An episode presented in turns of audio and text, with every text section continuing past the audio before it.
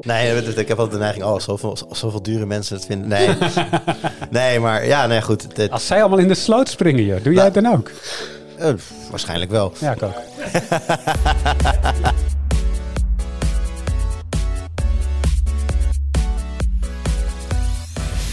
Hoi, leuk dat je luistert. Welkom bij de Tweakers Podcast. Mijn naam is Arnoud. Dit is aflevering 271. En ik zit vandaag aan tafel met Jeroen Horlings. Hallo. Jurian Ubachs. Hey, hallo. En een nieuwe stem aan tafel, Rart van der Hoeven. Ja, dankjewel. En eh Rart, je bent bij ons eh, stagiair sinds eh, januari alweer. Dus alweer een Ja, hele februari. tijd. 6 Februari. tijd. februari. Ah, het 20 voelt, weken voelt dus. gewoon veel langer en veel vertrouwder. Ja, ja, zeker. Maar je hebt een achtergrondverhaal geschreven en dat moet nog online komen. Dus Ja. je hoeft nog niet te zoeken als je deze podcast hoort. eh, over de cameramarkt. En, ehm, eh, en hoe die afgelopen jaren in een soort vrije val is geraakt. Moet ik dat op die manier verwoorden? Is er nog een cameramarkt? Is, is er nog een cameramarkt, Rad? Hij is klein, hij is klein. Maar hij is er wel. Ja, ja, ja. Heel goed, gaan we het allemaal straks over hebben. Eh, maar we hebben natuurlijk eerst nog eh, de brievenbus, alle post die we hebben gekregen. eh, waar de reacties over blijven binnenkomen. En dat zal niemand verbazen, is de telly. Ja, dat, blijft toch een beetje een hot topic. Dat is nog eh. een topic. voor wie het zich even niet voor de geest kan halen, dat is die televisie eh, waar een tweede scherm onder hangt. Speciaal voor nieuwsupdates, maar ook advertenties. En in ruil daarvoor krijg je die hele tv gratis. Ja, met een, met een al, altijd aanstaande camera en microfoon. Ja, Dat is een precies. ding. Ja. Ja, nee, serieus. Oeh. Jeroen kijkt ineens heel moeilijk. nee, ja, het, is, het, is een gratis, het is een gratis televisie. Je betaalt met je privacy. Dat is een beetje hoe je het moet En je data. Alles wat je dus doet voor die televisie, eh, wat we niet gaan beschrijven verder, maar dat is dus wellicht. eh, Ja, precies. Ja, ja. Je speelt in je je- eigen film, soort van. Heel gerichte advertenties kun je dan krijgen. Nou ja, je kan jezelf wel bedenken dat dat heel waardevol is voor adverteerders. Dat is, eh, ik kan me voorstellen. Ja. Hmm, ik zou het toch niet kopen. Of nee, niet kopen, nou, krijgen. Mm. Ehm, Jerry zegt erover, een microfoon is fysiek redelijk makkelijk dermate uit te schakelen dat deze niet meer functioneert. Plakband of Ja. sticker erover, dus zou dat ook wel werken. Ik hoor je twijfel al, ik heb dezelfde twijfel hier denk ik, maar leg uit. Ja, en hij gaat er nog even over door over hoe je naar de LEDs ook eh, zou kunnen uitschakelen. en dat soort dingen. Ja, dat hebben we natuurlijk ook wel gezegd, volgens mij vorige keer of de week daarvoor, ik weet even niet meer.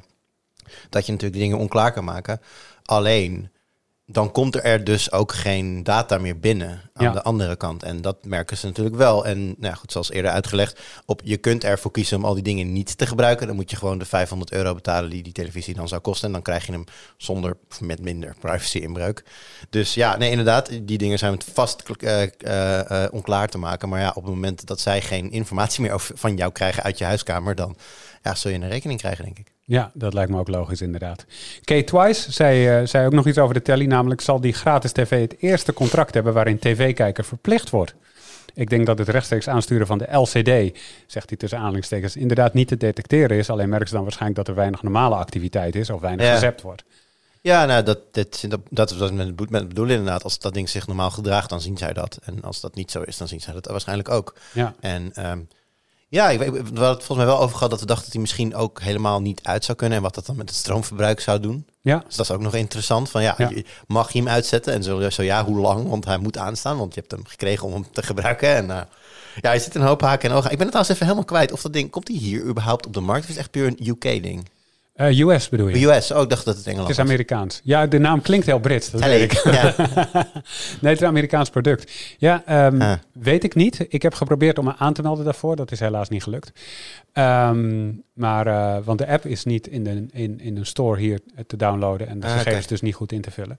Dus helaas, ik wilde graag mijn privacy opgeven voor de gratis tv die we hier konden testen. ja. En daarna wilde ik er niks meer mee te maken hebben, maar eh, Dat- dat is niet gelukt. Terwijl ik het wel heel erg leuk vind om hier wekelijks over te praten, gaan we er nu al lang over door voor iets wat waarschijnlijk nooit op de Nederlandse markt gaat komen. Ja, dat, nou ja, dat vroeg me. Mag dit überhaupt? En er zit niemand aan tafel die die vraag, denk ik, goed kan beantwoorden. eh, maar, nou ja.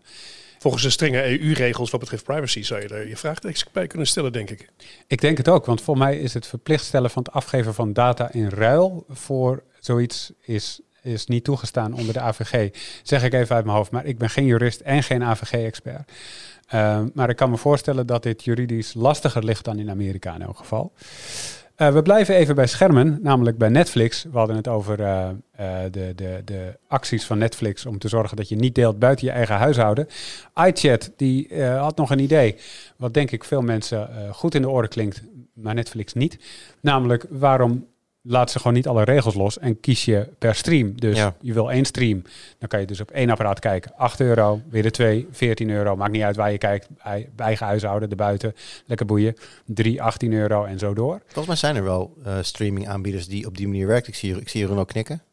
Nou, het lijkt mij heel logisch, toch? Nu 4K eh, op het moment is nu duurder, terwijl iedereen heeft tegenwoordig al, al heel veel jaren 4K-tv. Ja. Dus moet je daarop gaan fragmenteren of segmenteren, zeg maar, of moet je inderdaad op streams doen? Veel logischer lijkt mij. Ja, en het is makkelijker uit te leggen ook. En makkelijker eh, te handhaven. Je hebt geen ingewikkelde dingen nodig. Ehm, dus ja, maar ja, ik denk dat Netflix dit allemaal in een Excelletje heeft gegooid en heeft doorgerekend. Ik vind, het, ik wel bijzonder vriendelijk van iChat dat hij er even gewoon prijs, eh, prijsniveaus van bij heeft bijgezet. Inderdaad 18, 18, 14 of 8 euro, 14 euro, 18 euro, 20, 20, 22. Maar het is raar dat je van 3 naar 4 streams 2 euro betaalt, maar van 4 naar 5 streams 2,50. De stapjes worden kleiner, maar dan ineens vergroten. Dat is raar, iChat. Zo werkt, zo werkt dat niet. Ja, misschien bedoelde je 21,50. nou ja, gewoon even voor het idee natuurlijk. Maar Ja. ehm, nee, ja, in principe een goed idee. En dan is het natuurlijk helemaal aan jou eh, om te bepalen of jij een van je vrienden op die stream slaat of niet. Want hè, kan natuurlijk ook nog zomaar zijn, als je er maar drie hebt en nou, stel je hebt een partner en jullie kijken allebei, ja, dan heb je nog maar één stream over. Als je, als je ook nog kinderen hebt, ja, dan eh, is drie misschien al eh, snel te weinig. Dus dat, eh, ja, precies. Ja. Ja, dus dan verdienen ze alsnog geld. Maar ja, ik, ik zie ze dit in ieder geval niet snel doen. Dan over goede ideeën gesproken, Jur. Ehm, Jan Doedel, eh, die merkte op, gaan jullie het ook weer over de Steam Deck hebben? Of gebruiken jullie dat hebben dingetje al niet meer? Oh, dat zijn twee vragen in één. Eh, ik zal met die laatste beginnen. Ehm, ik gebruik hem eigenlijk veel minder dan dat ik van tevoren had gedacht, gehoopt. Ah. Ja, nou ja, kijk, het is, het is natuurlijk een handheld. duh. Maar ik, heb, ik reis niet zoveel met de trein als dat ik vroeger deed bijvoorbeeld. Eh, en in de momenten dat ik het doe, ga ik vaak ergens heen waar ik dan niet een computer mee naartoe wil nemen. Dus dat is ook. Maar eh, ja, weet je, de handheld behoefte wordt toch nog steeds het, het meest vervuld door mijn Switch. Komt natuurlijk ook omdat eh, Zelda natuurlijk recentelijk uitgekomen is. En eh, Ja. dat is natuurlijk de beste uitvinding sinds gesneden brood. Dus dat. dus die speel, die speel je dan veel. Ja, nee, ik weet niet. Het heeft gewoon niet een plek in, in, in, mijn, in, mijn, zeg maar, in mijn routine of zo. En hetzelfde geldt bijvoorbeeld ook voor letterlijk elke VR-set die ik in huis heb. Ik heb de, de PSVR 2 liggen en ehm, de, de, de Oculus Quest 2.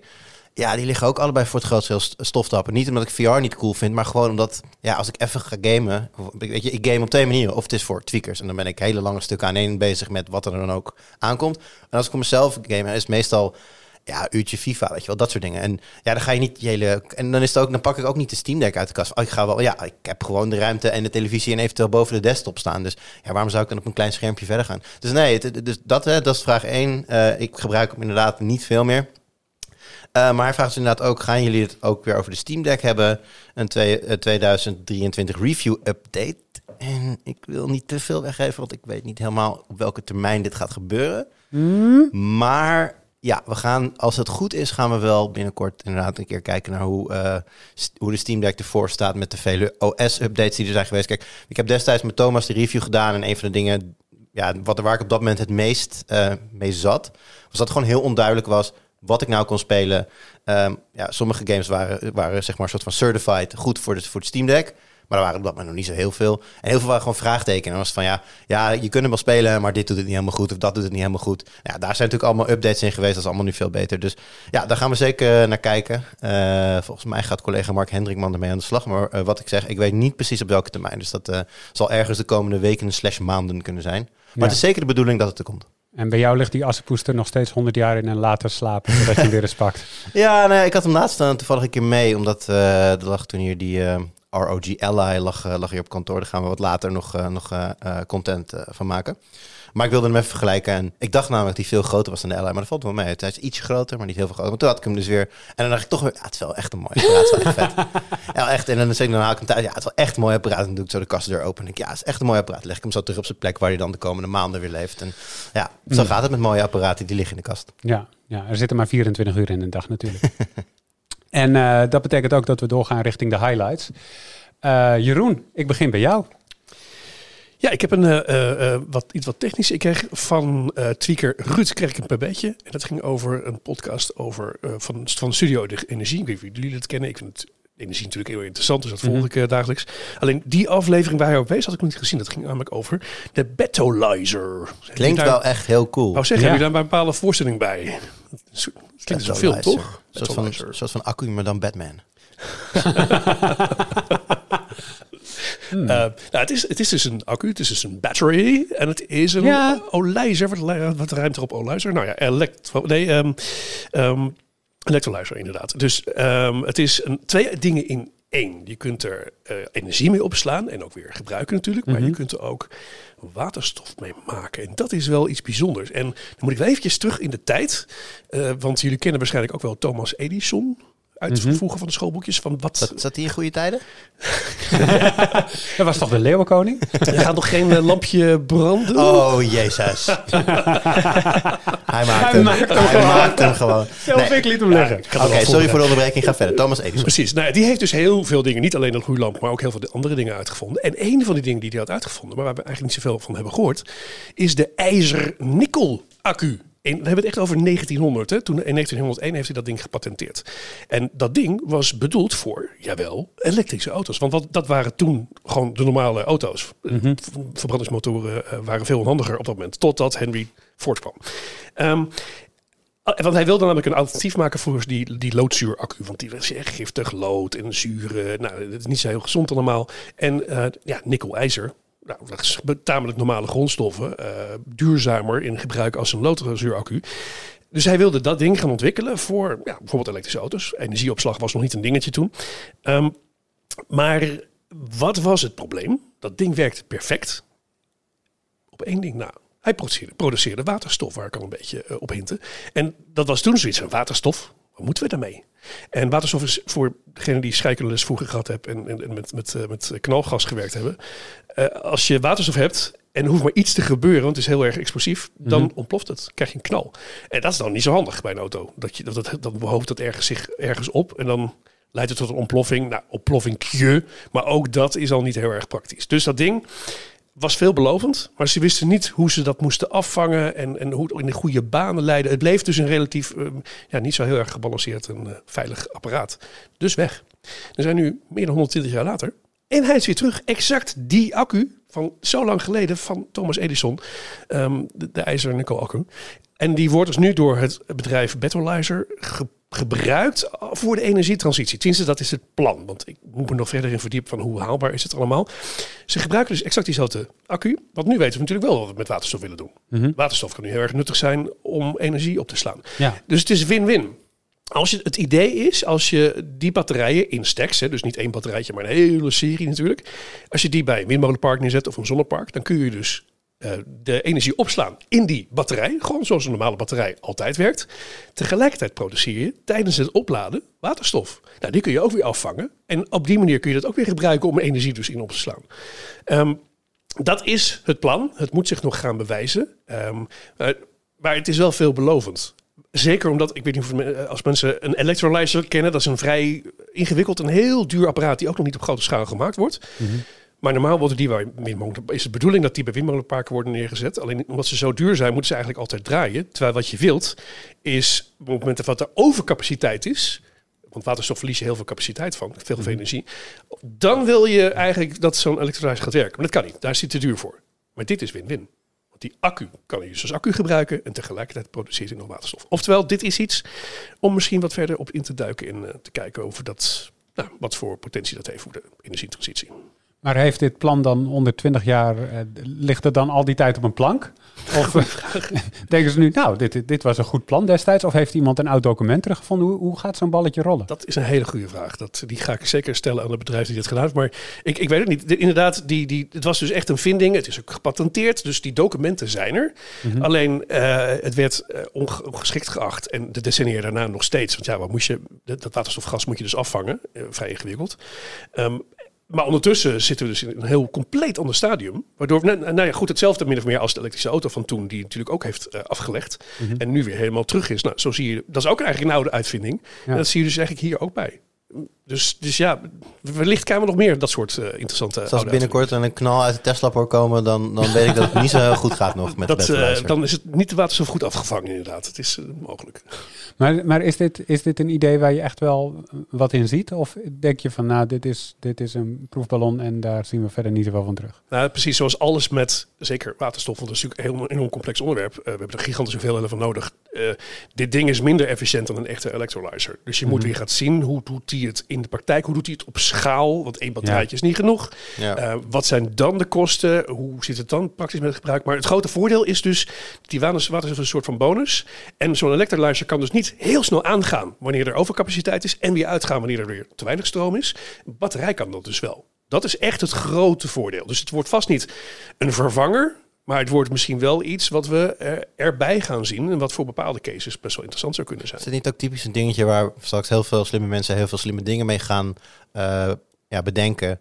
Die dan op een gegeven moment weer voor andere dingen gebruikt gaan worden dan dit. Gewoon omdat volgens mij dit soort, dit soort ja, innovatie in tech gaat er zich dan op andere plekken weer, eh, weer behulpzaam bewijzen, zeg maar. Niet per se bij dit specifieke ding wellicht, maar gewoon in de bredere energie-transitieontwikkelingen, dat er daar dan slimme dingen komen die misschien elders kunnen helpen. Dat, dat, zoiets vind ik dit meer dan dat ik, dan dat ik inderdaad straks denk dat we allemaal zo'n ding gebruiken voor wat dan ook. Nee, precies, dat denk ik ook niet. Ik denk dat het voor- vooral industrieel interessant is. Maar inderdaad, wat- precies wat je zegt. Misschien zien we met nog, nog hele andere use cases waar we nog niet aan gedacht hebben. Eigenlijk exact zoals deze case Ja. al zegt, inderdaad. 120 jaar oud idee nog een keer hergebruiken, waarom ook niet?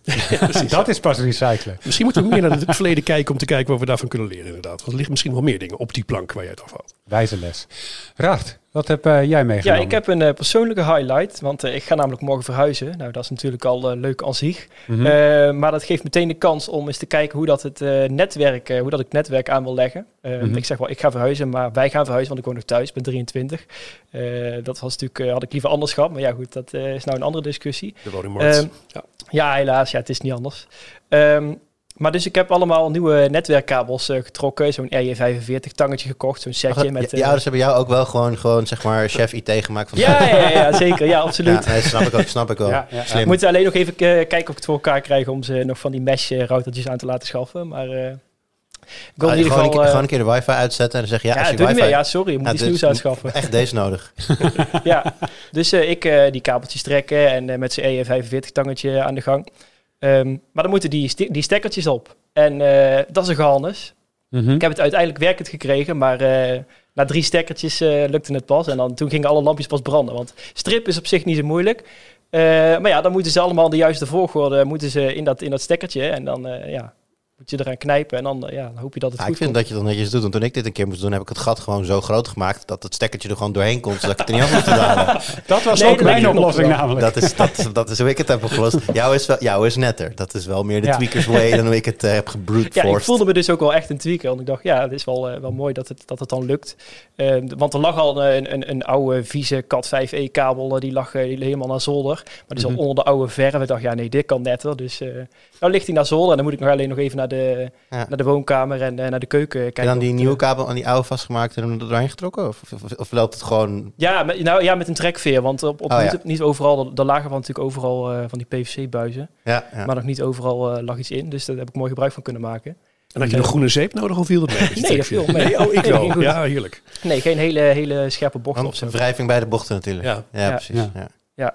Ja, en er zat ook zo'n zo'n pomp bij. Blijkbaar heb je bij een trekveer ook een, eh, een handmatige pomp. En die kun je dan eh, kun je hem erin, eh, kun je hem, kun je hem doorduwen, zeg maar. Wat Meer kracht dan, dan met je handen. Ah. Dus, eh, Die had ik niet toen destijds, maar dat is tien jaar geleden. Ja, ik wist ook niet dat het bestond. Maar, Ik ook niet. Ja, ik had in het begin van de coronapandemie, toen we allemaal thuis kwamen te werken en ik op zolder ineens heel erg nodig, goed internet nodig had. Maar er lag geen kabel. Toen heb ik ook een kabeltje getrokken. En, ehm, eh, maar ik ben team Jur. Ik denk van, eh, laten we het lekker makkelijk doen. Stekkertje eraan laten zitten. Gaatje is niet groot genoeg. Grote gaatje. En eh, ja. Ah, in, mijn, in mijn huidige huis, eh, want ik ben in de coronacrisis ergens verhuisd, eh, daar lagen naar alle verdiepingen al gewoon eh, kabels die... eh, eentje was stuk, dat was de enige, de enige Hmm. uitdaging. Maar daar, naar die verdieping liepen twee kabels. Dus dat was ook al dat ik dacht van, ah, dit is makkelijk. Nee, maar voor mijn vorige huis, dat was een huurhuis, dus dat maakte ook niet zoveel uit. Of nee, dat was helemaal niet waar, was een mager huurhuis. Maar het maakt niet uit, daar heb ik gewoon zo'n wat bredere, wat bredere kop op die boord gezet en gewoon echt nou, denk, di diameter 2, 3 centimeter gat erin. Denk, nou, daar kan je doorheen, hoppatee. En, en dan dwars door de muur.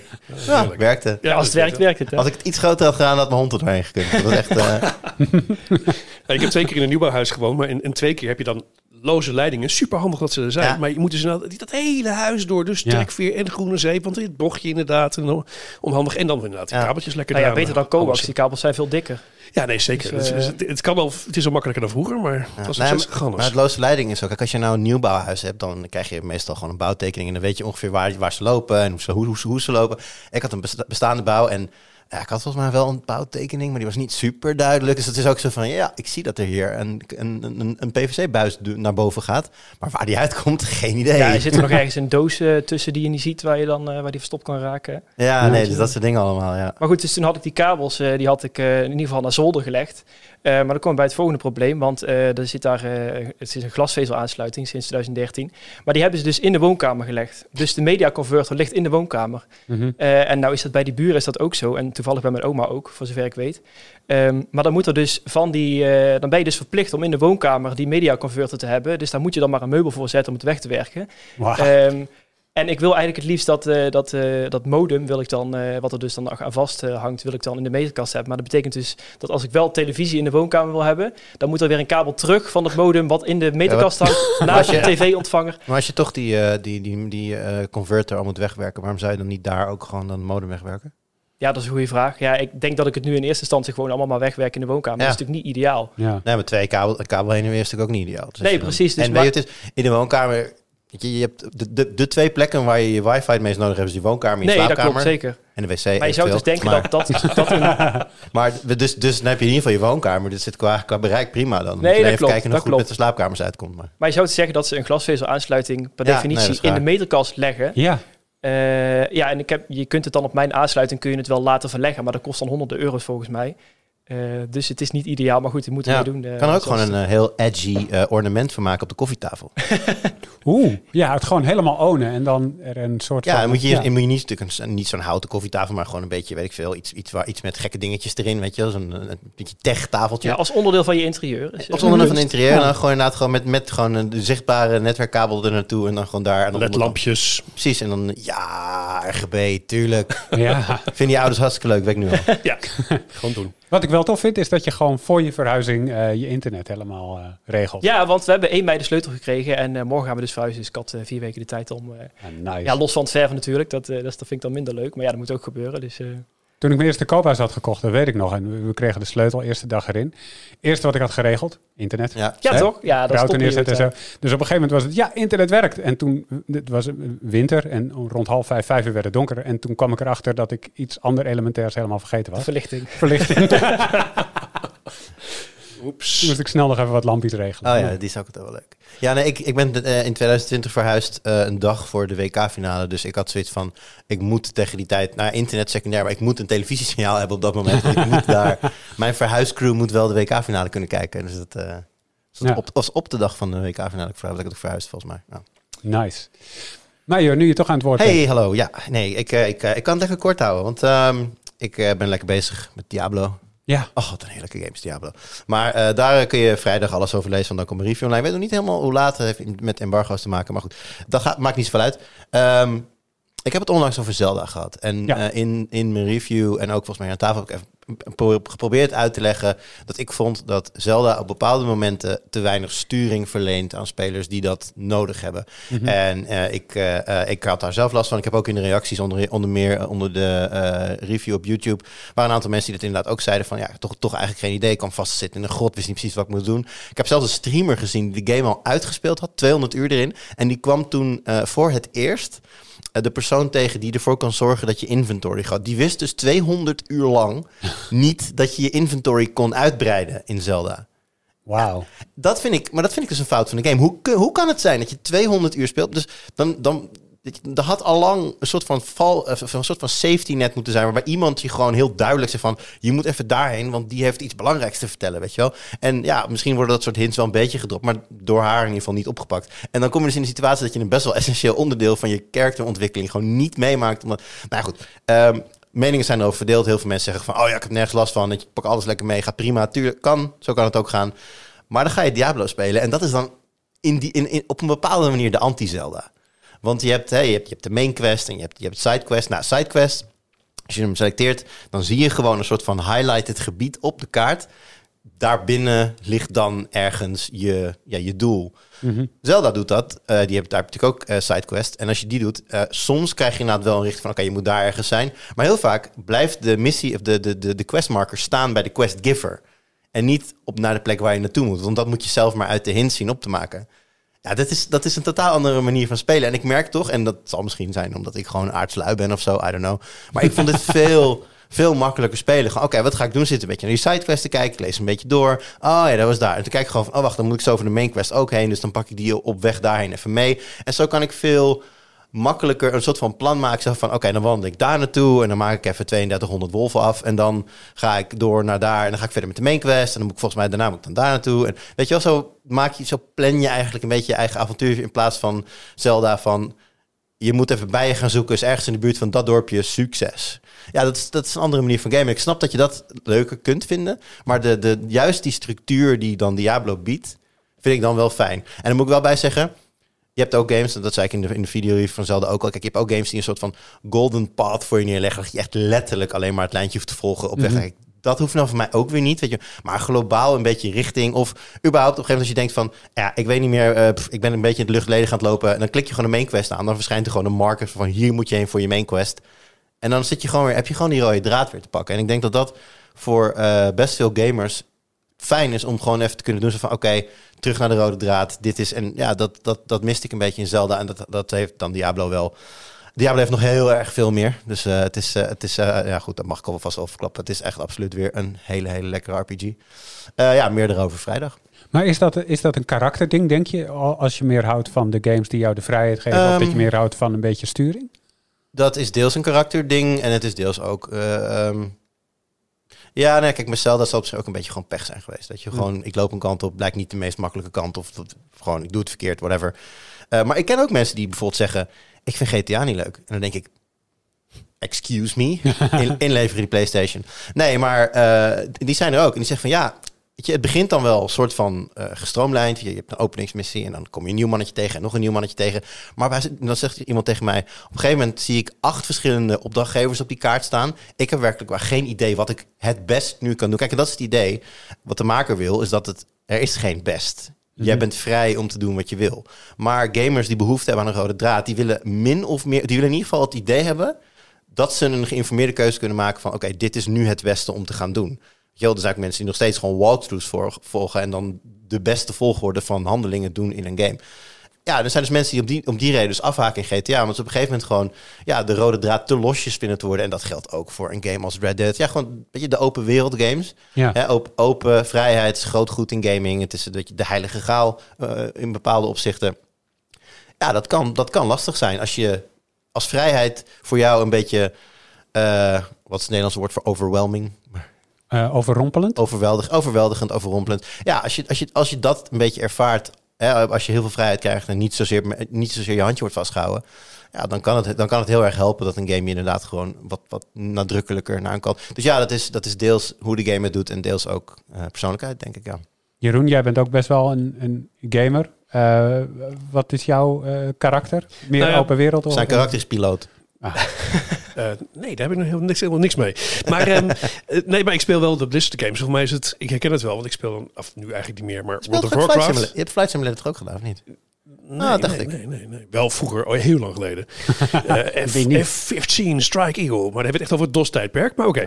Maar, nee, maar Blizzard, World of Warcraft en Diablo heb ik ook. eh, inderdaad, deze nog niet, gespeeld, niet echt gespeeld trouwens. En je ziet ook wel dat ook binnen Blizzard en de community daarvan zijn voor mij twee kampen. Eén die zegt nee, je moet hem op puur, je moet het zelf uitzoeken. Maar het kost nu al zo gruwelijk veel tijd. Ik zit in, ook in jouw kamp inderdaad. Van, ik, je hoeft niet alles, je hoeft geen, inderdaad geen lijntje uit te stippelen. Maar ik moet wel weten waar ik ongeveer heen moet. Ja. Dat ik niet heel erg onpraktisch allemaal dingen door elkaar ga halen en heel erg inefficiënt werkt. Want die kans is best wel groot. En eh, dat, is, daar zijn ook wel klachten over. Er zijn ook wel mensen die dat vinden dat Blizzard daar inderdaad te ver in gaat. Ook bij World of Warcraft dus. Maar het, ja, ik denk wel dat het in in deze snelle tijd, waarbij ook films veel sneller zijn geworden, dat het daar wel goed bij past. Dat je in ieder geval een beetje een indicatie Ja, krijgt. dat is ook een reactie die ik las. Toen iemand zei van, ik heb helemaal geen tijd en zin om twee uur vast te zitten voordat ik snap waar ik heen moet. Ja. Dus ja, dan is, eh, dan is eh, in ieder geval Diablo is dan een hele goede voor je. En tegelijkertijd, als jij inderdaad zoiets hebt van, ik wil niet dat de game me vertelt wat ik moet doen. Ja, dan is Diablo misschien juist net Ja. Belerend, net te begeleidend of zo. Rad, wat vind jij? Meer vrijheid of meer sturing? Meer sturing, ja. Ik ben zelf heel erg van de structuur. dus eh, daarom zijn games als GTA ook echt niks van mij. Want dan weet ik niet wat ik moet doen. En ik heb gewoon het liefst... Inleveren die Playstation. Die heb ik niet eens. Ik ben niet zo'n gamer. Ik speel af en toe World of Tanks. heb ik een duidelijk doel. Moet ik iedereen kapot schieten. Het is wel duidelijk, ja. Ja, dat is wel duidelijk. Ja. Nice. Hey, ik, eh, ik wil even iets aan jullie voorlezen en dan wil ik eh, een reactie erop. Of jullie hierachter staan of niet. Komt-ie. Het beperken van het risico van uitsterven van de mens door kunstmatige intelligentie moet een wereldwijde prioriteit zijn naast andere risico's op maatschappelijke schaal zoals pandemieën en kernoorlogen. Jur, eens of niet eens? Eh, niet eens. Oké, ik kom zo terug waarom. Rart, eens of niet eens? nee, ik, nee, ik ben het er ook niet mee eens. Jeroen? Ik ben het ook niet mee eens. Al zie ik wel de twee kanten. Oké, ik begin bij je. Waarom niet eens? Ehm, omdat ik vind dat een pandemie en ook een kernoorlog eh, bewezen heel erg slecht zijn voor de mensheid en voor het voortbestaan van de mensheid. Ehm, ik vind de ontwikkelingen op, op eh, kunstmatige intelligentie, wat, wat Jeroen zegt, natuurlijk, er zijn altijd twee kanten aan het verhaal. Maar dat, ik vind dat niet op diezelfde schaal. En door het in één zin te noemen met pandemieën en kernoorlogen, vind ik dat je eh, mensen onterecht banger maakt dan nodig is. En in mijn optiek, kijk, tuurlijk, hè, eh, gewoon eh, bewust omgaan met dit soort dingen is, moet, uiteraard.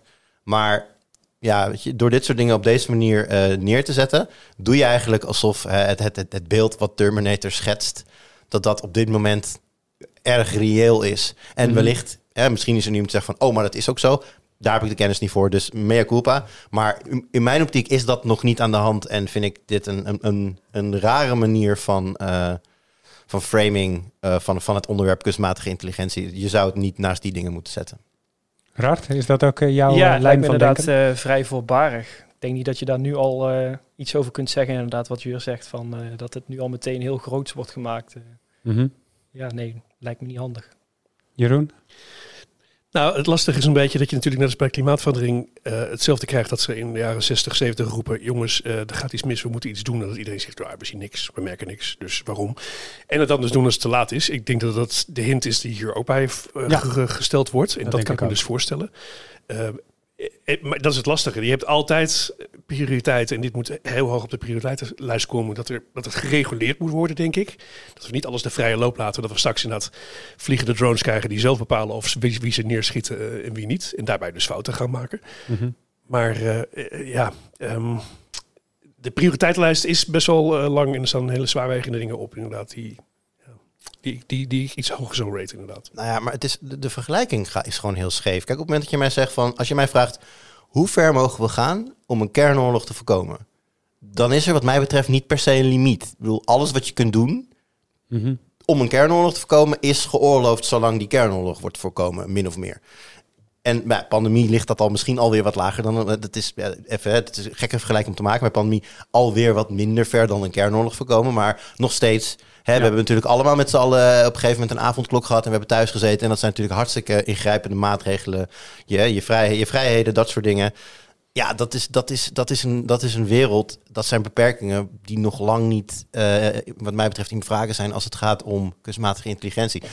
Tegelijkertijd, als de, de, de partijen die daar nu mee aan het ontwikkelen zijn, moeten uiteraard kijken naar eh, daar bewust mee omgaan. Het lijkt me op geen enkel goed eh, moment een slim idee om een AI-controle te geven over een wapen, inderdaad, dat soort dingen. Mhm. Maar dat vind ik wel even wat anders dan, dan hoe we met als maatschappij ook omgaan met eh, eh, voorkomen dat er een pandemie uitbreekt, voorkomen dat er een kernoorlog uitbreekt. Ja, om het, het cirkeltje rond te maken. Ik ben het wel met dit statement eens. En ik vind het ook een bedreiging op dat niveau. En ook op het niveau van klimaatverandering, als ik heel eerlijk ben.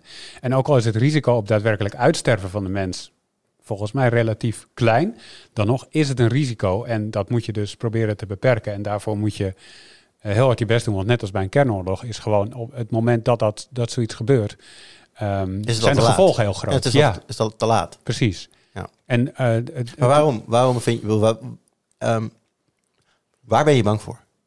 Eh, de precieze scenario's ben ik niet helemaal achter nog. Bedoel, je kan je voorstellen dat, dat je in AI een soort van eh, in die systemen een, een, een doel bouwt waarbij op een gegeven moment de mens een sta in de weg is.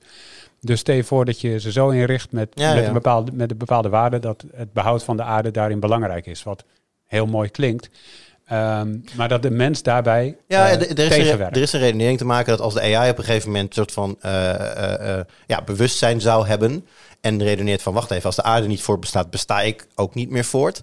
Wat is de reden dat de aarde niet meer voortbestaat straks? De mensheid. Dus Ja. daarin, maar eh, nee, ik, ik zie dat niet zo snel gebeuren. Ik denk dat we, dat we in ieder geval in de te voorziene toekomst nog, nog goed genoeg afkaderingen kunnen bouwen. Kijk, uiteindelijk, het moet, wat, dat vind ik heel, het moet altijd uit kunnen. Dat is een beetje mijn ding. Het moet uit kunnen. En op het moment dat we alle elektriciteit uit zouden hebben, zou de AI ook uitstaan. Dat is een beetje, misschien te simpel gedacht hoor, maar eh, dat, dat, dat is een beetje mijn visie erop. Wat ik eigenlijk enger zou vinden, en dan heb je het niet meteen over, over uitsterven, maar waar, wat ik ook bedoel met bewust gebruik maken van, ik wil niet door een AI beoordeeld worden.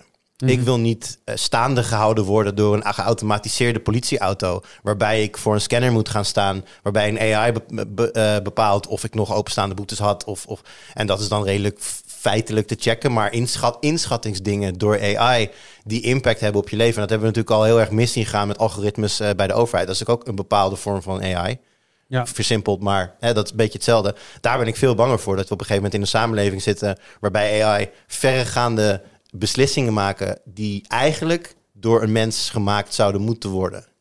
Ja, en in China is dit natuurlijk al gewoon aan de hand. Daar, daar checken ze camerabeelden, doen ze aan eh, eh, gezichtsherkenning en dan eh, aan de hand daarvan Ja. wordt je kredietrating en weet ik veel wat dat soort dingen Nou ja, als, je, als, je AI, aangepast. als je het hebt over een, een bepaald angstbeeld dat ik dan heb met AI, dan is het meer dat voor, Ja. de, voor, de, de- voor de nabije toekomst dan ja, AI die met, die met wapens de mensheid gaat uitroeien. Dat zie ik nog niet zo. Ja, en dan nu de hamvraag. Dit, dit statement heb ik natuurlijk niet zelf geschreven.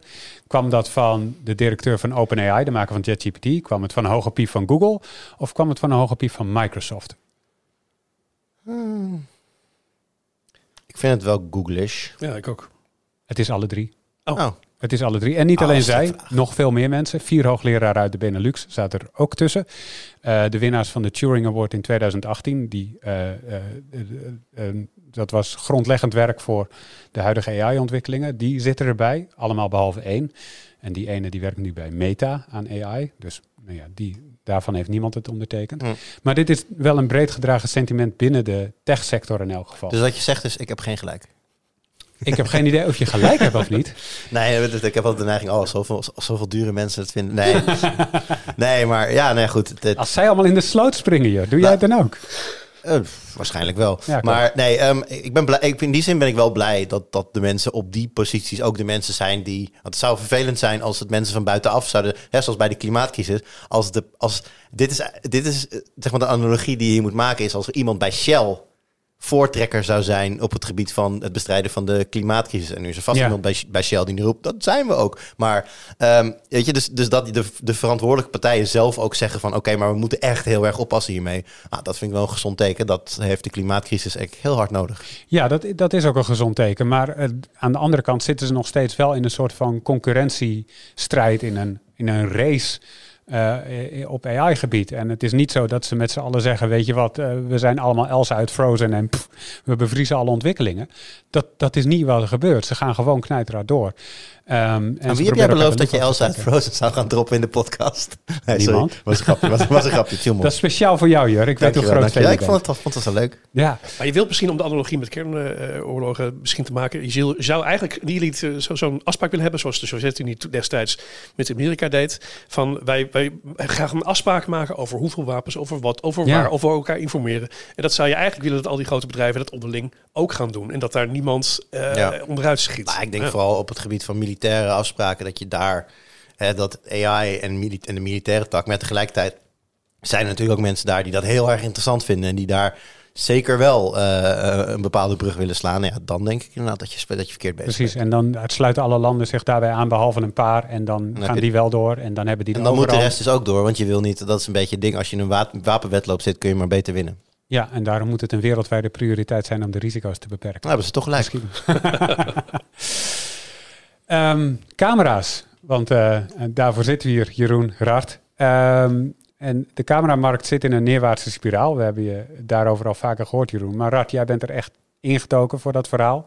Wat komend weekend online verschijnt. Kun je een beeld geven van welke camera's nu ongeveer nog verkocht worden en hoeveel? En... Uh, nou, dat is wel interessant. Er uh, gebeurde heel veel, maar nu gebeurt er niet meer zoveel. Want uh, in 2010 werden er dus ongeveer nog 121 miljoen camera's verkocht. Ja.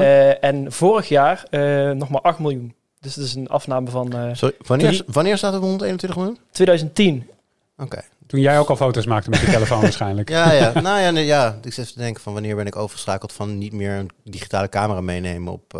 Je hebt natuurlijk even die overlapperiode gehad toen de telefoons gewoon nog niet goed genoeg waren. Ja. Maar ja. dat zal rond die tijd zijn geweest inderdaad dat ik niet meer een digitale camera meenam.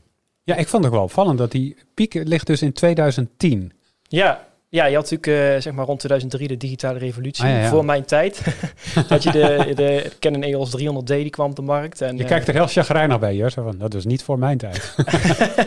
ben je nee, zo oud, dat is, dat is, dat is, nou ja, goed. Ik, uh, jij bent, ik was 22 toen ik bij Tweakers begon, dus dat uh, is ook lang geleden. Maar ja, dit, soort, dit soort momenten zijn gewoon een beetje confronterend soms. Ja, is het ook, hè? Gebeurt. Ja. En dan vertelt hij straks dat hij van na 2000 is of zo. Ja, dat is, Ja. Nee, ik ben nog van de vorige eeuw. Godzijdank. nee, mee. 99. Ja, dus nee, in 2010 waren het 121 miljoen. Uh, en vorig jaar nog maar 8 miljoen. Dus dat is echt een afname van uh, 93 procent. Heftig. Ja, er is uh, vrij weinig meer van over. En zeker compactcamera's, die uh, worden eigenlijk helemaal niet meer uh, verkocht. Maar wat je nu ziet, is dat uh, vooral duurdere segmenten, dat daar nog wel camera's worden verkocht. Dat is ook het beeld wat ik er een beetje bij. Ik ken een aantal mensen die fotografie gewoon echt heel erg leuk vinden. Ja, als en hobby. die, precies, die, die Ja. investeren dan in, in een goede systeemcamera of weet, ik veel, spiegelreflex, whatever. Maar inderdaad, de, de, de, de wat handzamere kleine cameraatjes, ja, dat, daar is geen markt meer voor. Toch? Ja, dus, of misschien nog wel, heel klein, maar... Ja, want wat hoor jij? Want Jeroen, jij bent al jarenlang camera-reviewer of geweest. Ik weet niet of je jezelf nog zou noemen, maar... eh, Precies, dat ligt een beetje achter ons. Heeft ook een reden die misschien nog kan toelichten, inderdaad, namelijk deze marktontwikkeling. Maar eh, nee, je, zag dat eigenlijk al eh, jaren geleden een beetje. Namelijk, je zag dat het- ieder jaar werd het minder. Dus tussen de periode na 2008 en 2012 was in één keer iedereen hobbyfotograaf Ja. geworden, Mhm. zoals Rart het ook beschrijft in zijn artikel. En dat was ook zo, want kijk maar naar de dierentuin, als het iemand mensen het toch kunnen herinneren, of tijdens vakantie, dat je echt struikelde over de mensen die allemaal voor willen dringen. Want ik heb een dikkere lens dan jij, dus ik ga nu even een foto maken. nou ja, dat is nu eh, weer gereduceerd dat er nog een paar hobbyisten zijn die dat nog doen. En de rest staat er met hun smartphones tussen. En wat je, dat zie je dus ook op de cameramarkt. Dus ook de camerafabrikanten zien alleen maar ieder jaar dat, dat aan de verkopen teruglopen. En ja, dan waar ze voorheen nog zeker één keer per jaar een nieuw model uitbrachten. Een opvolger van een vorig model in die serie. En ook nog een keer meerdere series. Hè? Dus, dus low-end en high-end en mid-end en enzovoort.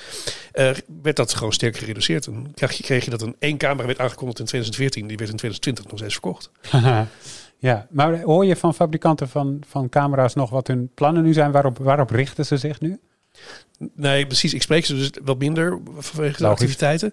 Maar wat je dus gewoon ziet, eh, letterlijk, is dat eh, er, zijn, eh, er zijn nog steeds redelijk wat fabri- kamerfabrikanten. Maar die hele hoge concurrentiestrijd met ieder jaar een nieuw model, dat is al lang passé.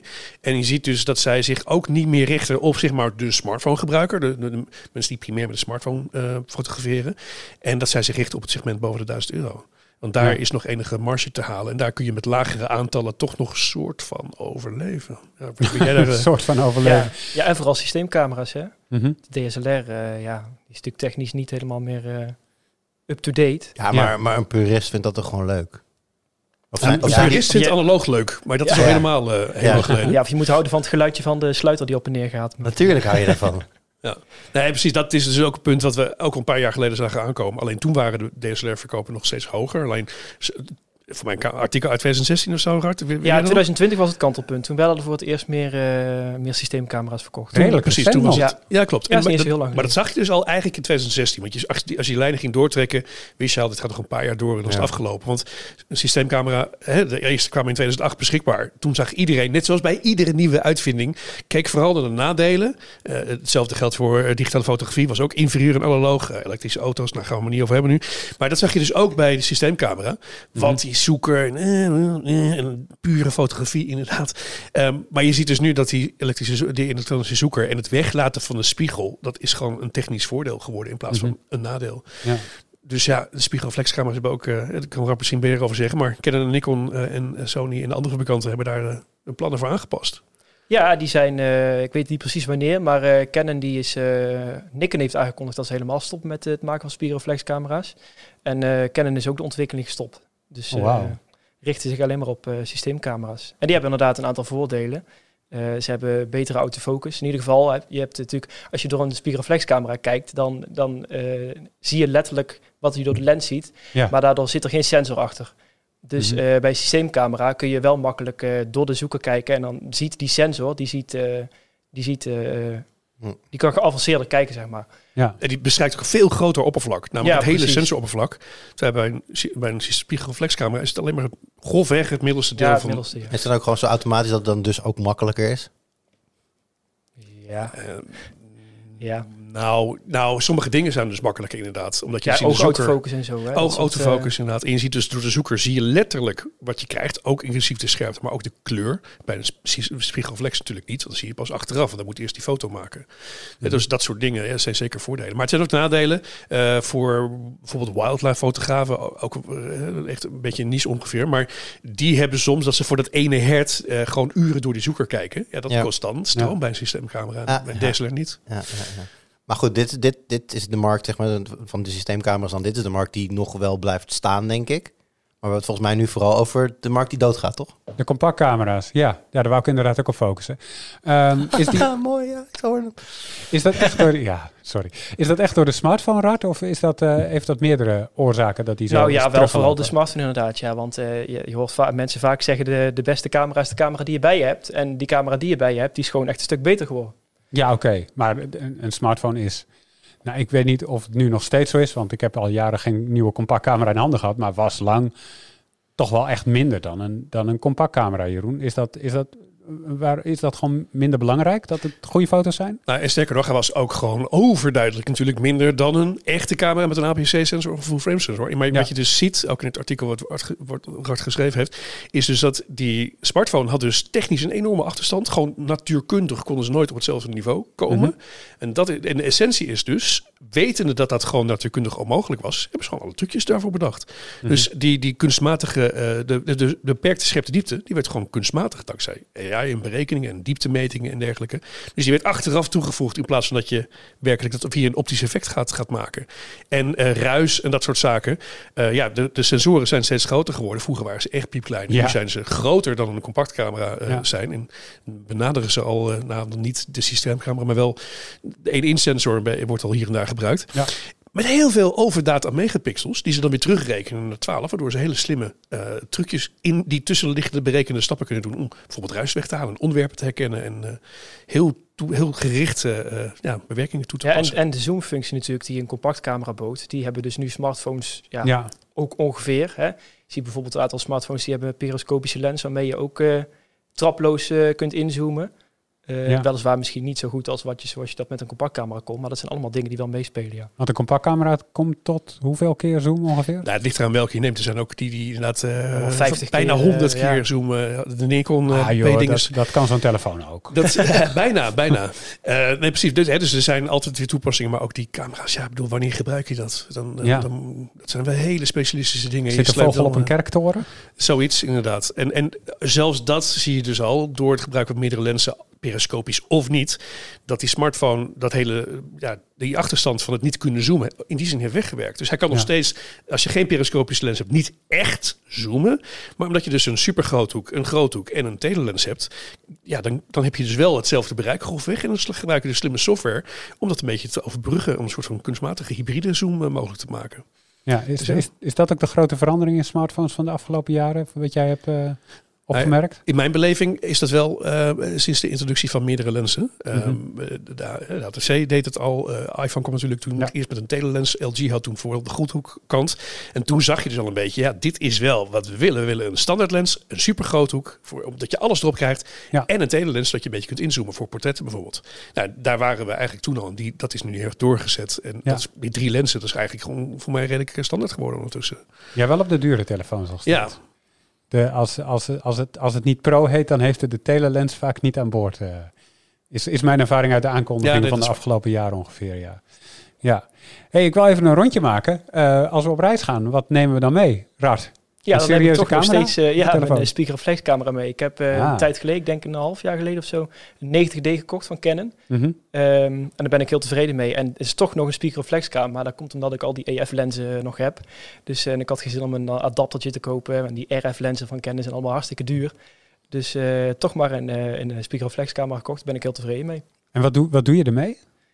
Ja, nou, ik had nog zelf zitten overwegen om, want uh, we gaan naar Zweden op vakantie elk jaar. Ik dacht, ik koop een 150-600 lens, Mhm. uh, maar dat is echt uh, zo'n joekel. Ja. dus toch maar niet gedaan. Maar ja, ik neem al verschillende lenzen mee en dan kijk ik wat ik ga doen en welke lens ik meeneem. Dus wat dat betreft ben ik wel heel ouderwets, ja. Jij, Jur? Ik weet het antwoord al, maar ik vraag het toch. Nou, ik neem zonnebrand mee sowieso. um, nee, ja, nee, ik uh, gewoon smartphone. Ja. ja.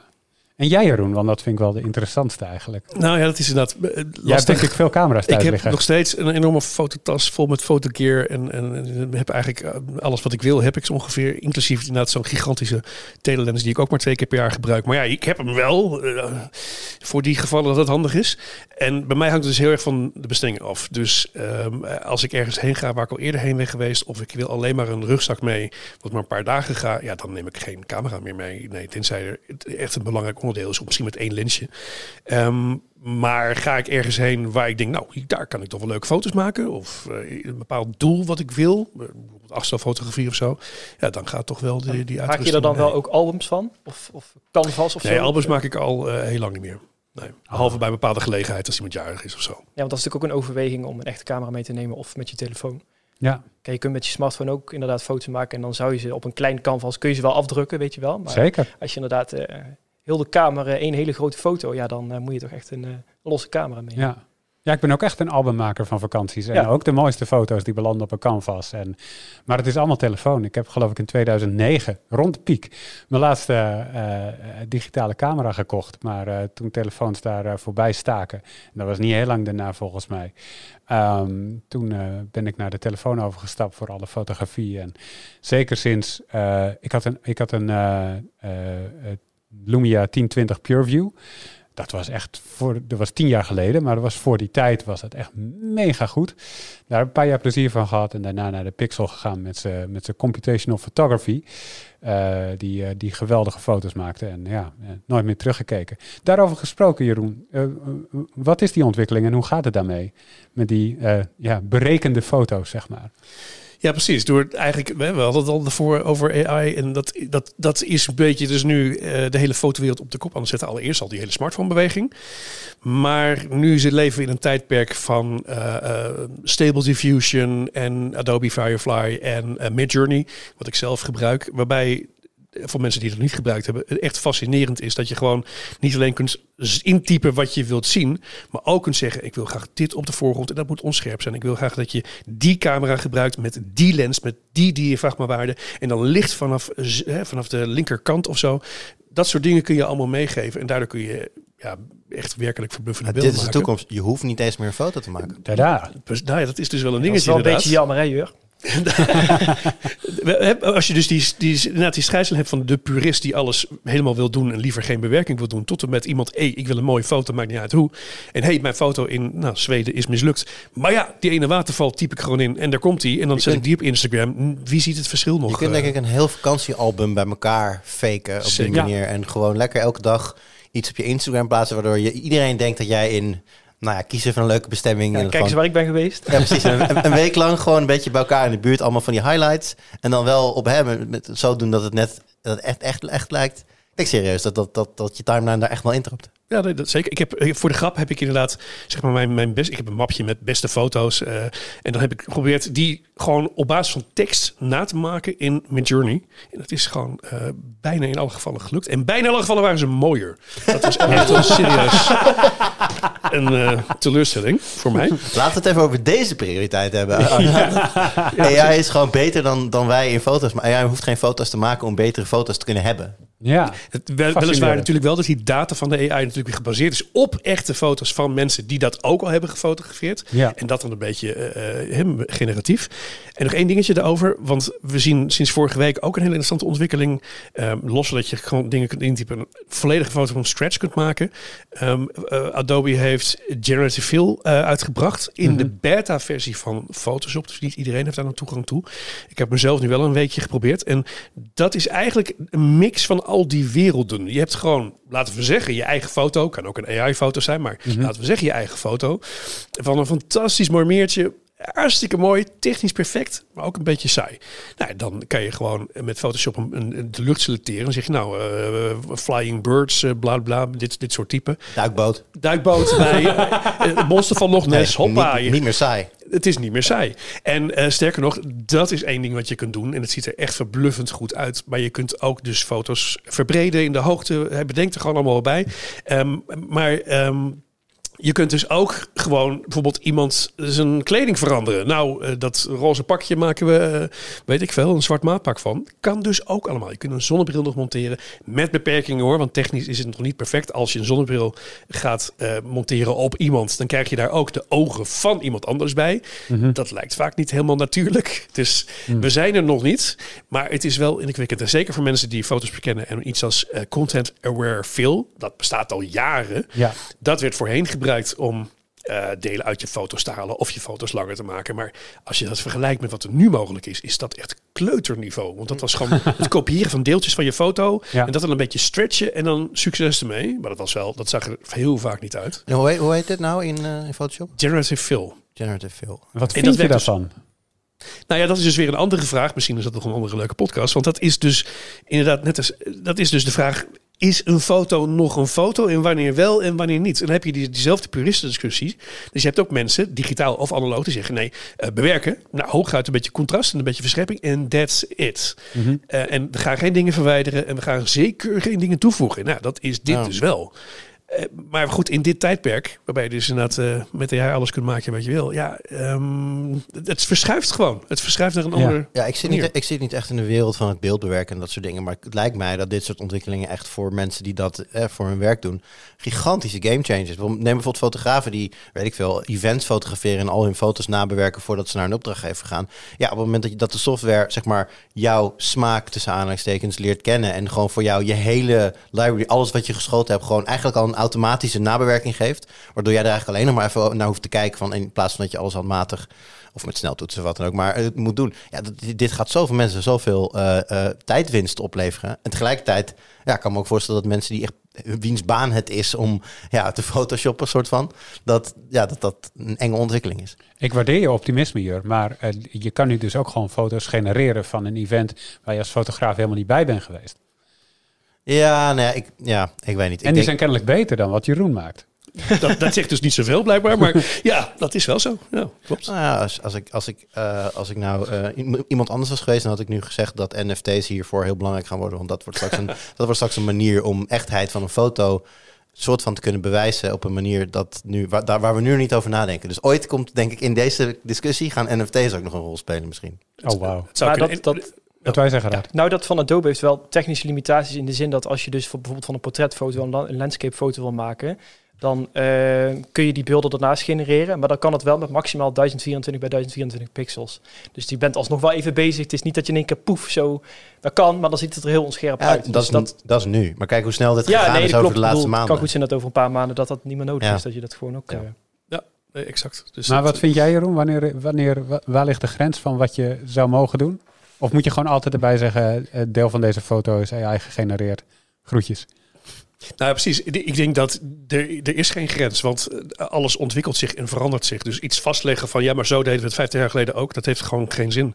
Eh, Dus we moeten het denk ik inderdaad omarmen in die zin van waar kan het ons helpen eh, tijd schelen. En dat, dat kan het gewoon. Want als je dat iets in een foto wil plakken, dan moet je dat aanpassen eh, in het geheel, met, met, met feathering, dat het een beetje de scherpte en de scherp, onscherpte overeenkomt met de kleur, met de belichting. En dat doet dus Photoshop voor jou allemaal. Ja. Dus eh, ik, ga, ik ben dus ook. Ik vind het enerzijds niet leuk, eh, de purist in mij. Anderzijds denk ik, ja, dit is zo'n Ja. enorme timesaver. Ik denk ook vooral dat het iets is waar, waarin we onszelf en de maatschappij ook gewoon moeten opvoeden. Gewoon eh, ja, eraan wennen dat meer en meer van wat je ziet niet per se een, een momentopname uit de realiteit is. Ja. En dat dat, zeg maar echt de snapshot uit de realiteit, dat dat steeds zeldzamer zal gaan worden, omdat we de realiteit zo makkelijk beter kunnen maken digitaal. Ja. Ja. ja. En volgens mij is Adobe wel, voegen ze wel ook informatie toe hoor. Dit is gemaakt met AI, zeg maar. In de metadata of staat er een In de- watermerkje Voor in? mij in de metadata inderdaad. Niet, niet geen watermerkje, nee. Maar dat kun je natuurlijk weer uitslopen als je wil. Maar Ja. de, de, ook al zijn we dus nog niet in het stadium van dat er allerlei overkoepelende regels voor AI zijn, is dit wel een beetje al, ongeschreven. Precies, een soort van ongeschreven regel dat we dat eigenlijk wel ergens willen documenteren. En dus ook als je het zou publiceren, dat je daar de eerlijkheid in hebt om te zeggen, dit is mede eh, mogelijk gemaakt dankzij AI of iets dergelijks. Of hè, voor de duidelijkheid en transparantie naar degene die dat bekijken en die dus niet denken Ja. dat jij daar gewoon dagenlang mee hebt gewerkt om die ene foto te produceren, terwijl het eigenlijk vijf seconden Tot iemand op een gegeven moment denkt van, ah, dat vinden we eigenlijk niet meer nodig. Die waarschuwing. Dat zou kunnen. ja, dan is het weg. Maar raar, nog even terug naar camera's. Want eh, eh, de camera's zelf, dus zonder dat je een prompt ingeeft en er een plaatje uitkomt, maar dat je gewoon een foto schiet. Zit daar nog toekomst in, denk je? Is, is die markt er nog over 10, 15, 20 jaar? Ja, dat is moeilijk te zeggen. Ik denk dat er altijd mensen zijn die het leuk blijven vinden om, om zelf eh, beelden te creëren. En op wat voor manier dat dan is, ja, dat, eh, dat valt nog te bezien natuurlijk. Ja. Maar, eh, ja, ik denk het wel. Een soort van vinyl van de toekomst. Ja, ja. Wat denk jij, Jeroen? Nee, hobbyisten zullen er altijd blijven. En, en dat zag je ook eigenlijk aan de cijfers in het artikel. Dat we zitten nu eigenlijk exact op het niveau van voor de hele digitale revolutie. Dus echt, laten we zeggen, eind eh, jaren 80, eh, 90. Daar, daar, eind jaren 90, daar zitten we zo ongeveer. Ja, En dat betekent dat die, die hardcore hobbyisten, die waren er toen. Die zijn er dus nu nog steeds. En die vinden het gewoon leuk om foto, vogels te fotograferen. Of, Ja. of juist een bepaalde hobby in, in een studio of portretten of, of journalistiek. En dat zal ook blijven. Maar en dan analoog, hè? Ik bedoel, er zijn heel veel mensen die het ook leuk vinden om nog steeds analoog te schieten en dat lekker zelf te ontwikkelen. Dat, die bestaat Dus, ook. eh, ja, dat, ja. Ik weet niet of die groep over 100 jaar nog bestaat, maar ongetwijfeld een paar mensen. Ja. Het, is, het is een markt die zich blijft ontwikkelen dus. En nu, ook, nu moet ook- jij zeggen, ah, heb je dat nou gedaan? Je? Dat moet je dan zeggen. Ik was er een beetje klaar mee, je klaar mee. Nee, maar ook binnen het, eh, eh, over een positief eh, haakje, ook binnen de speakerscommunity zien we dat natuurlijk is de activiteit afgenomen. Dat zien we ook in het foto eh, Ja. Eh, maar tegelijkertijd is er nog steeds activiteit. Er worden nog steeds zeg maar, onderling wedstrijden gefotografeerd. Er wordt nog steeds gereageerd op elkaar. Er wordt feed- feedback gegeven. En zijn er meetings. Eh, ik wa- was er een paar weken geleden was er nog een meeting waar ik ook bij was in, in de dierentuin Burgersoel. En binnenkort, voor mij deze maand is er, voor juni is er weer een meeting bij, bij Zandvoort. Dus je ziet dat die fanatieke groep, die is er, die was er en die blijft er waarschijnlijk ook. Nice. Dat lijkt me een mooi punt om dit eh, het onderwerp af te sluiten. Tenminste, we gaan kijken naar wat de komende week op de site verschijnt. En dat is onder meer jouw verhaal, Rad. Ja, op zondag als het goed is. Ja, dus dan kan iedereen lezen al die mooie cijfers en al die mooie duiding over, eh, over de cameramarkt. Voor de rest hebben we deze week Computex. Eh, als je op de site bent geweest, dan heb je dat opgemerkt, denk ik. Want Lijkt me wel. Ja, we hebben een hoop verhalen over, een hoop hardware, hartstikke leuke dingen. Ja. En eh, Diablo, vrijdag. Diablo is vrijdag. Ja. Eh, ook, een- ook een grote review. Ja, het is- ik denk, dat ik, zoals het er nu uitziet, gaat die vrij laat in de avond pas online. Dus wellicht dat je hem beter zaterdag kan lezen. Oké. maar. Dus niet vrijdagochtend wakker worden gelijk de Nee, ja, het, is, refreshen het, is, het, is, het is posten, een beetje lastig. Er zijn twee verschillende embargo's. Eentje is al, is al voorbij. Je hebt waarschijnlijk al reviews van Diablo gezien. Maar daar zitten dan vrij strenge spoiler eh, ehm, beperkingen op. Nou is het niet zo dat wij het verhaal willen spoilen. Maar het betekent wel dat we bijvoorbeeld bij de videoreview goed moeten zouden kunnen kijken naar welke delen van de game we laten zien en welke niet. En dat hoeven niet per se delen van het verhaal te zijn. Maar dat zou bijvoorbeeld ook latere game content kunnen zijn. Die dan niet voor het eerste embargo mocht, maar voor het latere embargo wel. Dus waarschijnlijk om die reden gaan we het gewoon na het tweede embargo publiceren. Maar het is zeker niet zo dat het een spoilery review is of zo. Helemaal goed. En volgende week is eh, WWDC, Apple's eh, ontwikkelaarsconferentie. En Jeroen, ja, ik, eh, ik, ik ken jou als een Apple-fan. Een VR-headset. Komt-ie, Ja. komt-ie, komt-ie? Oh, je wordt er niet warm van. Ik- eh, vol- volgens alle geruchten komt hij. Het is wel een beetje, de timing is een beetje laat, zou ik willen zeggen inderdaad. Want dan krijg je toch dat wat Jero zegt, dat zo'n ding hartstikke leuk is. En waarschijnlijk ook weer Ja. onderscheidend. Maar ook uiteindelijk in de kast misschien Ja, komt dit is heel erg klokklepel dit hoor. Maar er was iemand en die zei dat hij hem had getest. En die zei dat het een fantastisch apparaat was. Ik weet niet meer wie het was. Ik weet niet meer wanneer hij het zei. Dus hier kun je helemaal niks mee.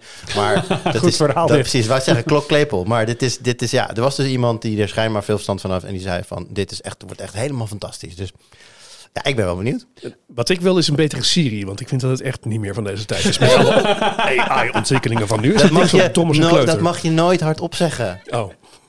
She who must not be named in de podcast. oh ja. Ik ga hem gewoon voorspellen, Jeroen. Ik denk dat in de keynote eh, eh, van komende maandag Siri nul keer voorkomt. Nul Ah. keer. Die gaan we niet horen. Dat denk ik. En hij blijft gewoon nog steeds even matig als altijd. En als je een timer wil zetten, dan gebruik je maar eh, een klokje in je keuken. Een kookwekker. Precies. Dankjewel eh jongens voor, eh, voor deze week. Eh, jij dankjewel voor het luisteren. Feedback kan in de reacties onder de, onder de Punt Geek op het forum of naar podcast.tweakers.net of op YouTube onder de video kunnen we dat allemaal meenemen in de Punt Post. Tot volgende week. Doei!